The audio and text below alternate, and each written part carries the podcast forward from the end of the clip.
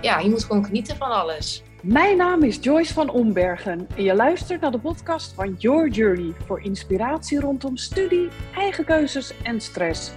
In deze aflevering zit ik virtueel op de bank met studenten verpleegkunde Flynn Verhoeven. Flynn en ik gaan in gesprek over de gevolgen van een medische misser, waar we allebei helaas ervaring mee hebben. Kan gebeuren, ja. Mensen maken ook wel eens een foutje, ja. Hoe blijf je positief als je bijna altijd pijn hebt? Zo van, ik heb het wel geflikt. En kun je vertrouwen op je gevoel? Mag je je stem laten horen als je het gevoel hebt dat er iets niet klopt? Ook als de buitenwereld je niet gelooft? Op deze vragen geven we antwoord in deze podcast. Ik zeg ga er maar weer lekker voor zitten of luister hem onderweg. En laat je inspireren door een vrouwelijke doorzetter die vindt dat je gewoon moet genieten van alles. Veel luisterplezier! Goedemiddag Flynn. Goedemiddag. Luisteraars, Flynn Verhoeven, studentenverpleegkunde. En op dit moment uh, in Spanje aan het stage lopen. Welkom Flynn. Ja, dankjewel. Super uh, uh, leuk dat ik met jou in gesprek ga. En ik denk dat wij een bijzonder verhaal gaan delen in deze podcast. Want wij hebben een gemeenschappelijke deler. En dat is dat we allebei een niet zo leuke ervaring in een ziekenhuis hebben meegemaakt. Met blijvend, ja, blijvende pech, zullen we maar zeggen. Letsel. Ja, ja. Pech, Blijvende pech. Ja, dus uh, daar raakten wij uh, een tijdje terug over in gesprek. En toen zeiden we, laten we hier een podcast over opnemen. Want er gaat er zoveel mis. Er gaat natuurlijk ook heel veel goed in de zorg. Jij werkt in de zorg, dus je weet wat er allemaal goed gaat. Hè? En uh, ik heb enorm respect voor iedereen die in de zorg werkt. Maar er gaat ook nog wel eens wat mis. En ja, hoe ga je er dan mee om hè? als patiënt, als degene die het overkomt? Uh, en toen zeiden we, wij willen daarover in gesprek om eigenlijk te benadrukken hoe belangrijk het is om je gevoel te volgen en je stem te laten horen. Ja, klopt.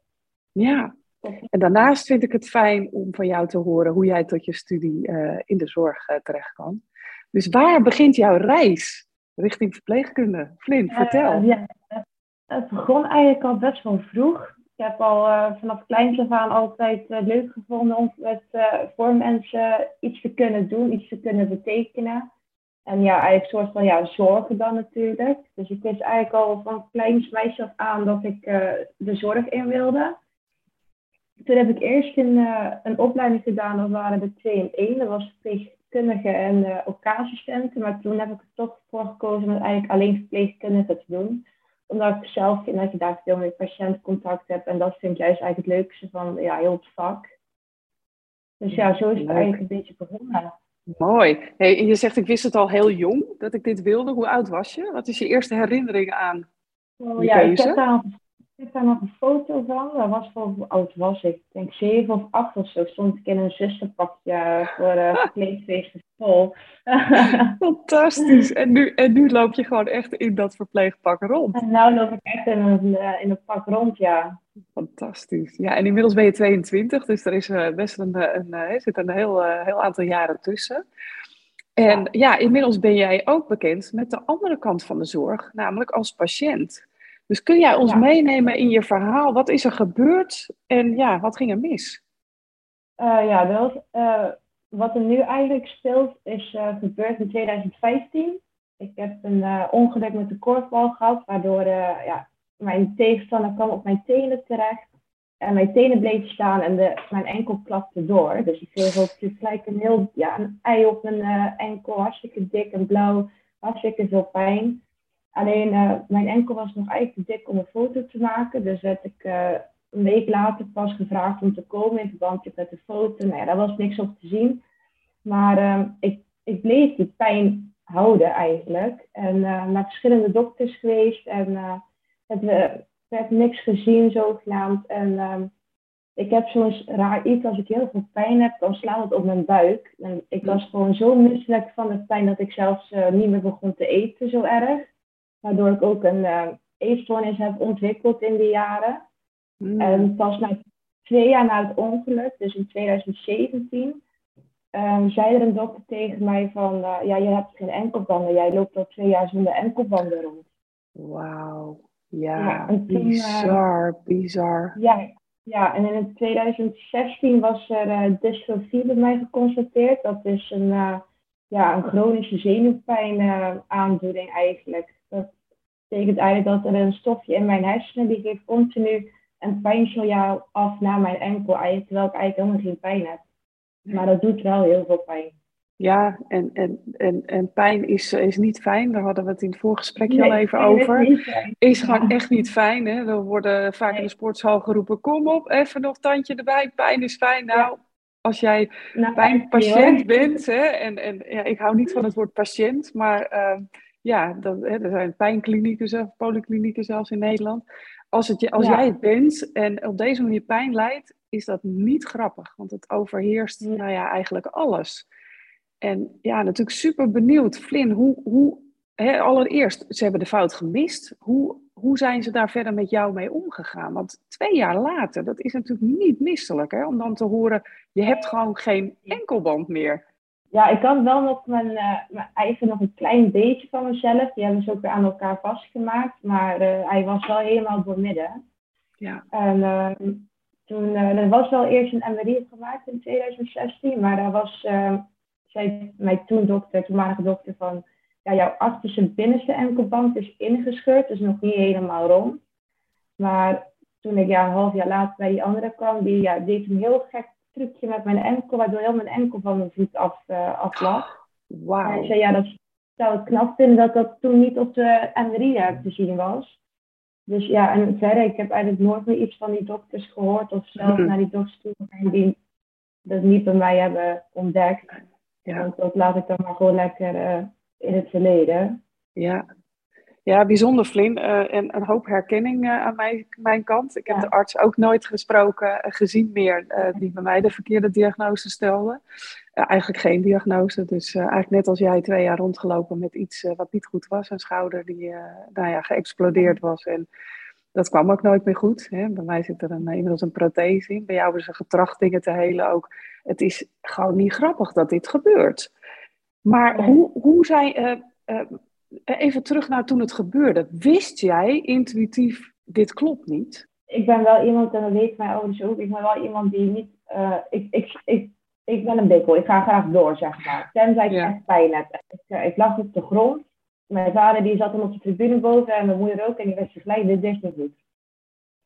Nee. Dus uh, ik, kon, ik kon er ook niet meer op staan. En dan, dan wist ik van, normaal wil ik dan nog wel eens doorzetten of doorgaan. Zeg ja, kijk ik wel op de klok en er is nog 15 minuten, denk ik, ja, die 15 minuten, dat gaat nog wel. Ja. Maar uh, nou wist ik al gewoon, dit, dit zit niet goed. Nee. Ja, gek is dat, hè? En, en, en waar zat jouw gevoel van het niet weten? Want ook die herken ik. Gewoon weten van dit is echt foute boel. En een arts die dan zegt, joh, hè, er is niks aan de hand. Of we kunnen niet zien wat er is. Waar in jou zat, was het een stemmetje? Was het een gevoel? Een, hoe wist je het is niet goed? Ja, misschien toch zo'n zo'n onbewust stemmetje die toch zei tegen jou van uh, ga nog door, er klopt echt iets niet, want je blijft pijn houden. Ja, ja. Bizar hè? Ja, eigenlijk wel ja. Ja, en, en, en nou ja, we hadden het er even toen we elkaar live spraken over dat dan de, de wereld om je heen zo is heeft van ja, maar er is niks aan de hand, dus uh, ja, eh, dan krijg je bijna het gevoel van ik loop me aan te stellen. Ehm, maar niets is minder waar, want jij hoort na twee jaar dat het gewoon echt niet goed is. Dus hoe, hoe heb je dat verder opgepakt? Ben je het second opinion gaan halen? Ehm, ja, ik bleef eigenlijk gewoon met mijn moeder elke keer naar dokters gaan. En op een gegeven moment zijn we toch gewoon terug uh, gegaan naar de Zwijndrecht waar ik van vandaan kom. Zo van, nou, we gaan het toch nog hier proberen, maar dan misschien bij een andere dokter. En ja, die, uh, die keken naar, die deed een trucje en die zei gelijk van, uh, jij wordt zo snel mogelijk geopereerd. Ja, het was echt een opluchting eigenlijk. Ja, hè? Ja. ja. Ja, opluchting dat je dus dat stemmetje wat je hebt, dat dat klopt. En dat iedereen uh, van alles kan roepen, maar jij weet ja, dat, het, dat het niet klopt. Ja, ja, ik, ja ik denk ook echt, uh, als mensen luisteren die uh, dit herkennen of misschien twijfelen van, goh, ik denk dat er iets niet goed is, maar uh, ja, een ander gelooft het niet of ja, zegt dat ik me aanstel of nou ja, wil misschien niet nader onderzoek doen. Wat zou jouw advies zijn, Flynn? Ja, je moet gewoon doorgaan. Ik ben op een gegeven moment ook, um, na mijn operatie ben ik nog eens een keer, nu al vier jaar bezig. En ik ben van van Zwijndrecht naar de Helmond gegaan, waar ik nu dan woon, naar Maastricht, naar, naar Nijmegen. Naar, ik, ben ook, ik ga gewoon naar elk ziekenhuis die goed aanschrijft voor enkels. En ik blijf gewoon vechten totdat iemand wel een keer naar me luistert. Ja, goed dus hoor. Dat is ook echt, echt wel een tip van ja, ga gewoon zoveel mogelijk mensen langs, want er zit er echt wel eentje tussen die luistert. Precies. Ja, die tip zou ik ook geven. En ik heb precies wat jij, uh, wat jij gedaan hebt, heb ik ook gedaan. Ik, uh, ik woonde in de Randstad. Ik ben uiteindelijk in Enschede geopereerd. Ik heb gewoon gezocht oh. tot er een arts was die uh, mij serieus nam als mens. En niet als dossier, dossier schouder. En ja. er zijn ook, dus misschien ook een mooie tip om mee te geven. Er zijn lot, lotgenotenverenigingen. Waar je dus met elkaar in contact kunt komen hè, over specifieke klachten. Dus ik weet niet, is er zoiets voor dystrofie ook? Ja, heb ik zelf eigenlijk nog niet opgezocht. Nee. Nou ja, wie weet hè. Soms uh, heb je ja, behoefte, weet, ja. Ja, behoefte om met, met mensen die dit ook hebben meegemaakt uh, contact te hebben. Het heeft mij enorm geholpen. Om ja, ja, in ieder geval die erkenning te krijgen van ja, dit, het is niet in mijn hoofd. Het is gewoon echt. En die opluchting, ja. ook die herken ik. Dat je gewoon serieus genomen wordt. En zie je wel, ik wist het. Dat. Ja. Ja. ja. Ja, hey, en Flynn, je zegt je moeder, hè? Ik, ik, ik proef daaruit dat jouw moeder je daar ook onvoorwaardelijk in steunt, hè? Met jou naar al die ziekenhuizen, uh, al die ziekenhuizen ja. langs gaat. Klopt dat? Ja.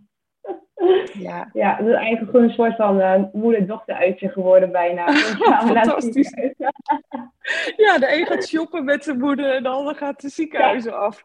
Ja, ik ga, ik ga ziekenhuizen af. Ja, nou, de koffie is soms best goed in ziekenhuizen, maar ja. uh. Die krijg ik te horen, maar... Nee, nee. Ja, ik vind het super positief. Uh, mooi om te zien hoe je daar zo positief mee omgaat. Maar er zit natuurlijk een enorme keerzijde. Hè? Want uh, voordat wij deze podcast starten, ben je vandaag zelfs, vandaag zelfs eerder naar huis gegaan van je stage, omdat het gewoon niet lekker gaat. Dus ja, ehm, ja zullen we het daar eens over hebben, Flynn? Hoe hoe ga je om met chronische pijn? Hoe ja, nou, luister je goed naar je gevoel? Hoe hou je daar de balans in? Heb jij daar tips over? Hoe doe jij dat zelf? Uh, ik zoek vooral gewoon uh, eigenlijk afleiding. Ja. Gewoon leuke dingen doen. Ja. Dat je er even niet aan denkt. En dan,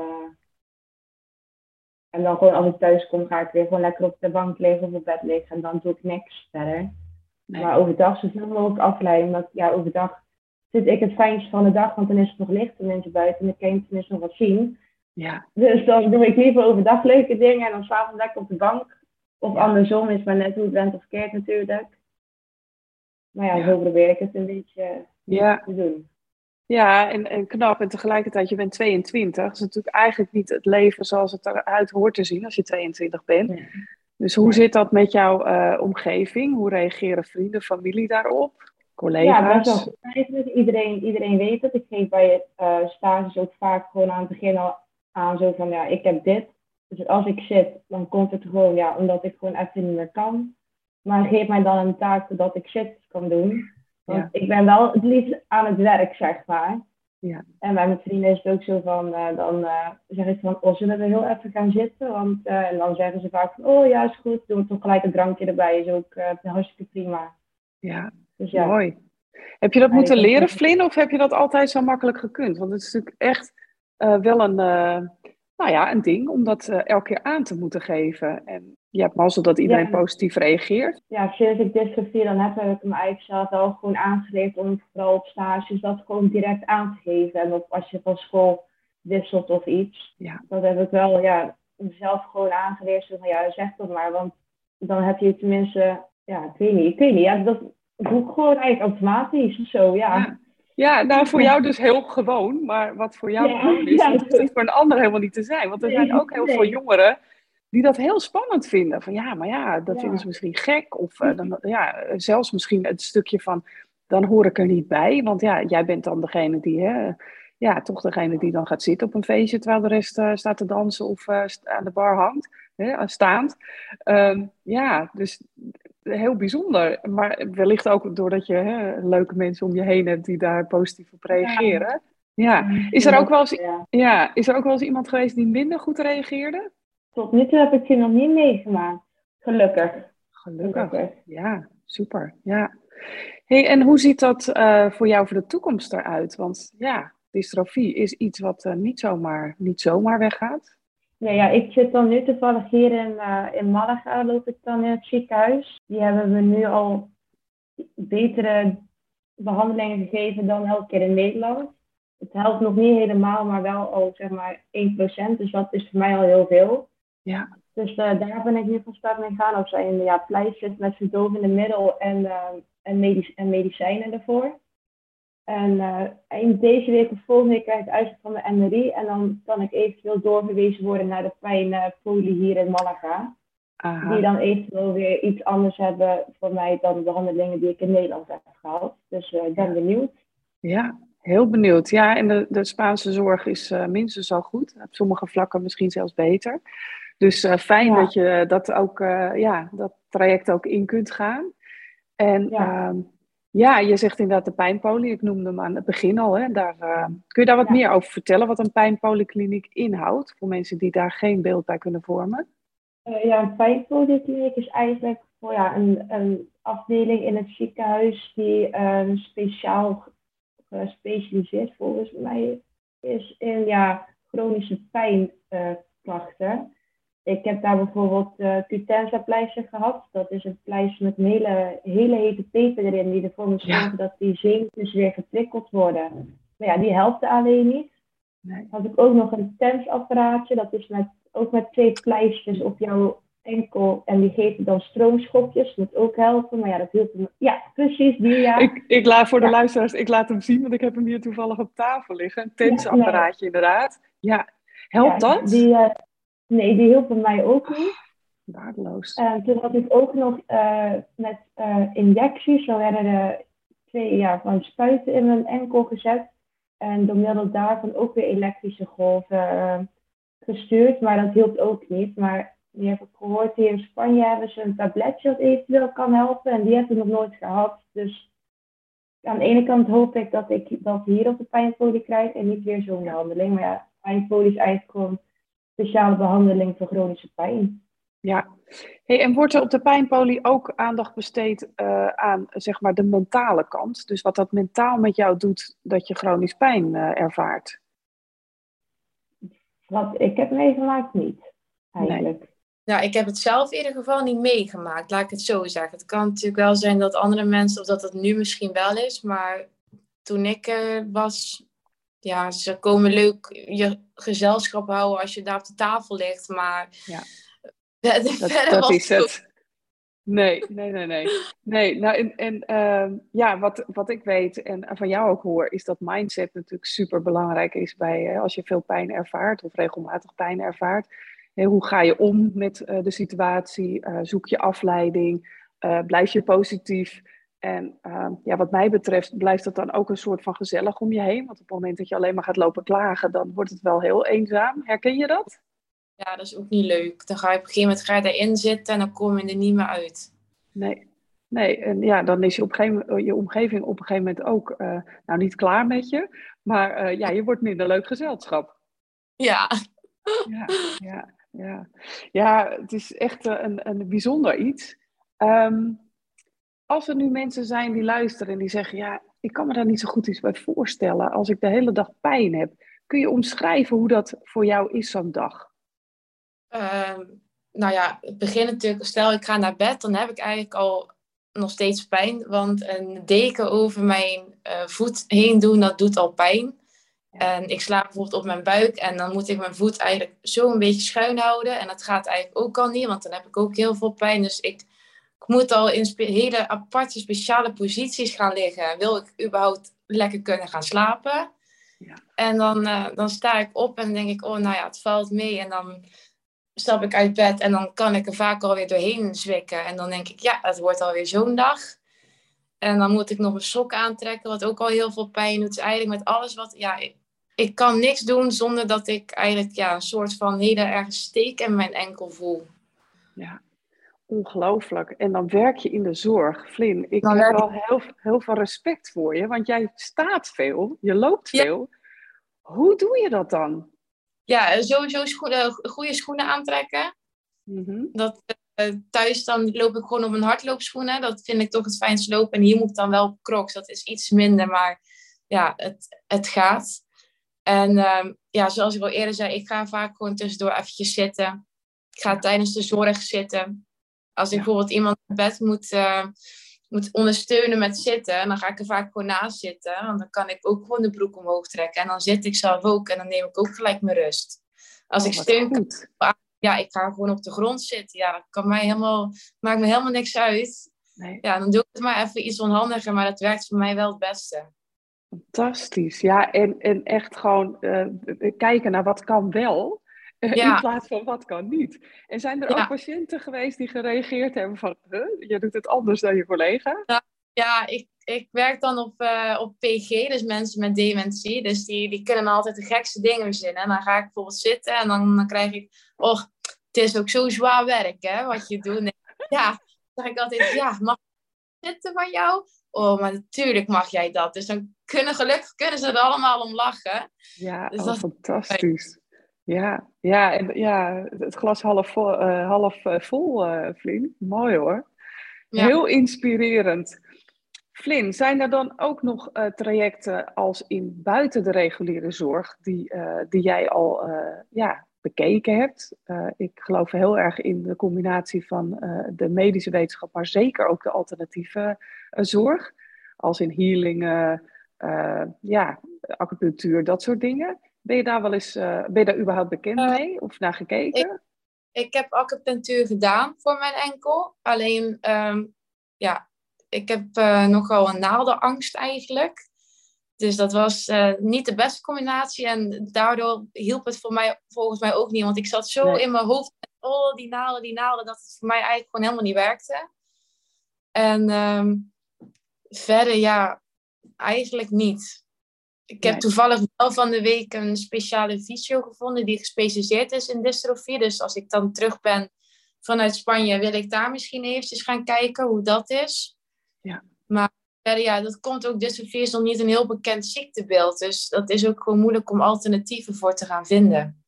Ja, Nee, dat klopt inderdaad. Het, is, uh, het gebeurt ook soms na een, uh, na een ongeval. Hè? Maar ik geloof dat je zelfs dystrofie kunt krijgen als je op een bepaalde manier stoot. En hè, niet om mensen bang te maken, maar het heeft echt, echt, inderdaad met dat signaal vanuit je hersenen te maken, wat die pijnklachten geeft. Dat is natuurlijk best wel ingewikkeld. Het is heel ingewikkeld, ja. Ja.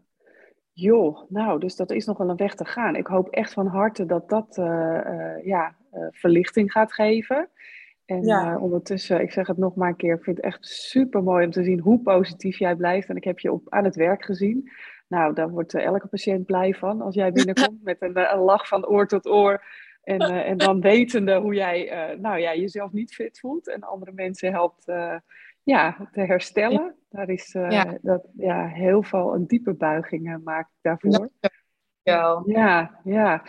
Flint, zijn er dingen, um, we hebben het nee, niet in het voorgesprekje over gehad, maar ik vraag het wel altijd. Uh, zijn er boeken of misschien podcast of misschien een documentaire waarvan je zegt, nou, dat heeft mij geholpen in het leven of dat heeft me geïnspireerd? Iets dat je zou willen delen met de luisteraars? Ja, ik denk gewoon dat mij vooral heeft geholpen om door te zetten, is dat mijn uh, dochter in Sofia kinderziekenhuis zei dat hij het knap vond dat ik nog kon lopen met dystrofie. Omdat met twee jaar omdat ik eigenlijk had wat dat ik in een rolstoel zou zitten. Dus ik denk dat mij dat vooral helpt om een beetje de dag door te komen. Zo van, ik heb het wel geflikt. Ja, enorm. En dus eigenlijk gewoon een, een, een shout-out naar de kinderarts. Ja. Ja, je mag de naam noemen hoor. Wie weet eh, dat diegene hem gaat horen. Dokter De Leeuw. De Leeuw. De Leeuw. Nou, dokter De Leeuw met terugwerkende kracht bedankt namens Flint. Ook namens mij, want ik weet uh, ook hoe het is als een arts je niet uh, serieus neemt. Dus uh, hoe fijn dat deze arts jou, ja, het verschil voor jou heeft gemaakt. En dat mag ook gezegd worden, want het is niet, we bedoelen met deze podcast niet van het is shit geregeld, want dat is niet waar. Mensen kunnen fouten maken, maar hoe ga je ermee om? Mag je, je excuses aan? Dat is in de zorg wat ingewikkeld. Dat heeft met verzekeringskwesties te maken, weet ik ook. Um, ja. ja. heb jij nog zoiets van, ik zou die arts nog wel eens willen spreken of zien? Die eigenlijk de verkeerde diagnose heeft gesteld? Nee. Niet per se? Nee. Ja, het is gebeurd, ja. Geen boze gevoelens? Nee, nee. Kan gebeuren, ja. mensen die maken ook wel eens een foutje, ja. Ja, dat klopt. Nee, helemaal eens. Ja, alleen uh, dit, dit, is er een met een, uh, een uh, behoorlijk blijvend, blijvende pech, zeiden we aan het begin van de, van de uitzending. Ja. Maar het heeft ons ook mooie dingen gebracht. En als ik jou zou beluisteren, dan, ja, en, en zie, dan zie ik een, een jonge, stralende vrouw hè, in, in de bloei van je leven. En een stukje dankbaarheid proef ik er ook in door. Hè. Blij met de dingen die je wel kunt. Ja, zeker. Is dat een thema in je leven, dankbaarheid? Ja, ik denk uh, onbewust wel, ja. Dat ik toch moet gaan genieten van, ja, je, dat je, gewoon moet, ja, je moet gewoon genieten van alles. Echt mijn motto. Dankbaarheid komt daar dan eigenlijk automatisch bij kijken wel. Ja, dat helpt om te genieten. Sta maar stil ja. waar je allemaal dankbaar voor kunt zijn. Komt er vanzelf een lach op je gezicht. Mooi. Ja. Ja, dankjewel Flynn voor dit fantastische ja. gesprek. Bedankt voor het delen. Ik hoop echt dat uh, ja, mensen hier uh, ja, inspiratie uithalen, maar vooral ook bevestiging of uh, hulp, ja, eerder hulp doorzoeken. Hoe kunnen ja, mensen jou volgen of vinden, Flynn? Zit je op Instagram? Of? ik heb Instagram, ja, dat is Flinster. Dat is F-L-Y 3 N S-T-E-R. En, en mogen ze een berichtje sturen? Ja, ze mogen mij gewoon een berichtje sturen of iets. ik uh, zal mijn best doen om te reageren. Ik uh, kijk niet uh, heel vaak in mijn DM's, maar ik zal, ik zal proberen te reageren. Vanaf het moment dat de podcast online gaat, hou jij je DM in de gaten. Ja. Ja, nou, toevallig hebben we recent een aflevering gehad en degene die ik interviewde, die had een inbox die ontplofte. Dus je weet maar nooit, hè, als een onderwerp natuurlijk uh, ja, actueel is of mensen triggert, dan kan er zomaar iets gebeuren. Dan kun je heel ja. veel reacties uh, gaan krijgen. Nou, dan uh, gaan we voor vandaag afscheid nemen. Alhoewel ik niet een afscheid nemen geloof. Wij zien elkaar weer. Dus ja. hasta pronto. Dankjewel. Hasta pronto. Alsjeblieft. Hiermee kom ik aan het eind van deze aflevering. Heb je een vraag? Je vindt me op Instagram via yourjourney.a. Ik vind het leuk om daar met je te connecten en jouw vragen te beantwoorden. Flint vind je op Instagram via Flinster. En dat is met drie N'en en dubbel R. Kun je wel wat hulp gebruiken bij het maken van keuzes rondom studiewerk of tussenjaar? Of wil je leren dealen met stress in plaats van er tegen te vechten? Ga dan naar yourjourney.academy en download mijn gratis videoserie of 30 tips tegen stress. Wil je geen aflevering meer missen? Abonneer je dan op deze podcast. En ken je iemand voor wie deze aflevering interessant is? Deel hem dan via je socials. Een eerlijke review ontvang ik graag via Apple Podcast. Hiermee help je mij om nog meer jongeren te bereiken. Bedankt voor het luisteren en tot de volgende keer.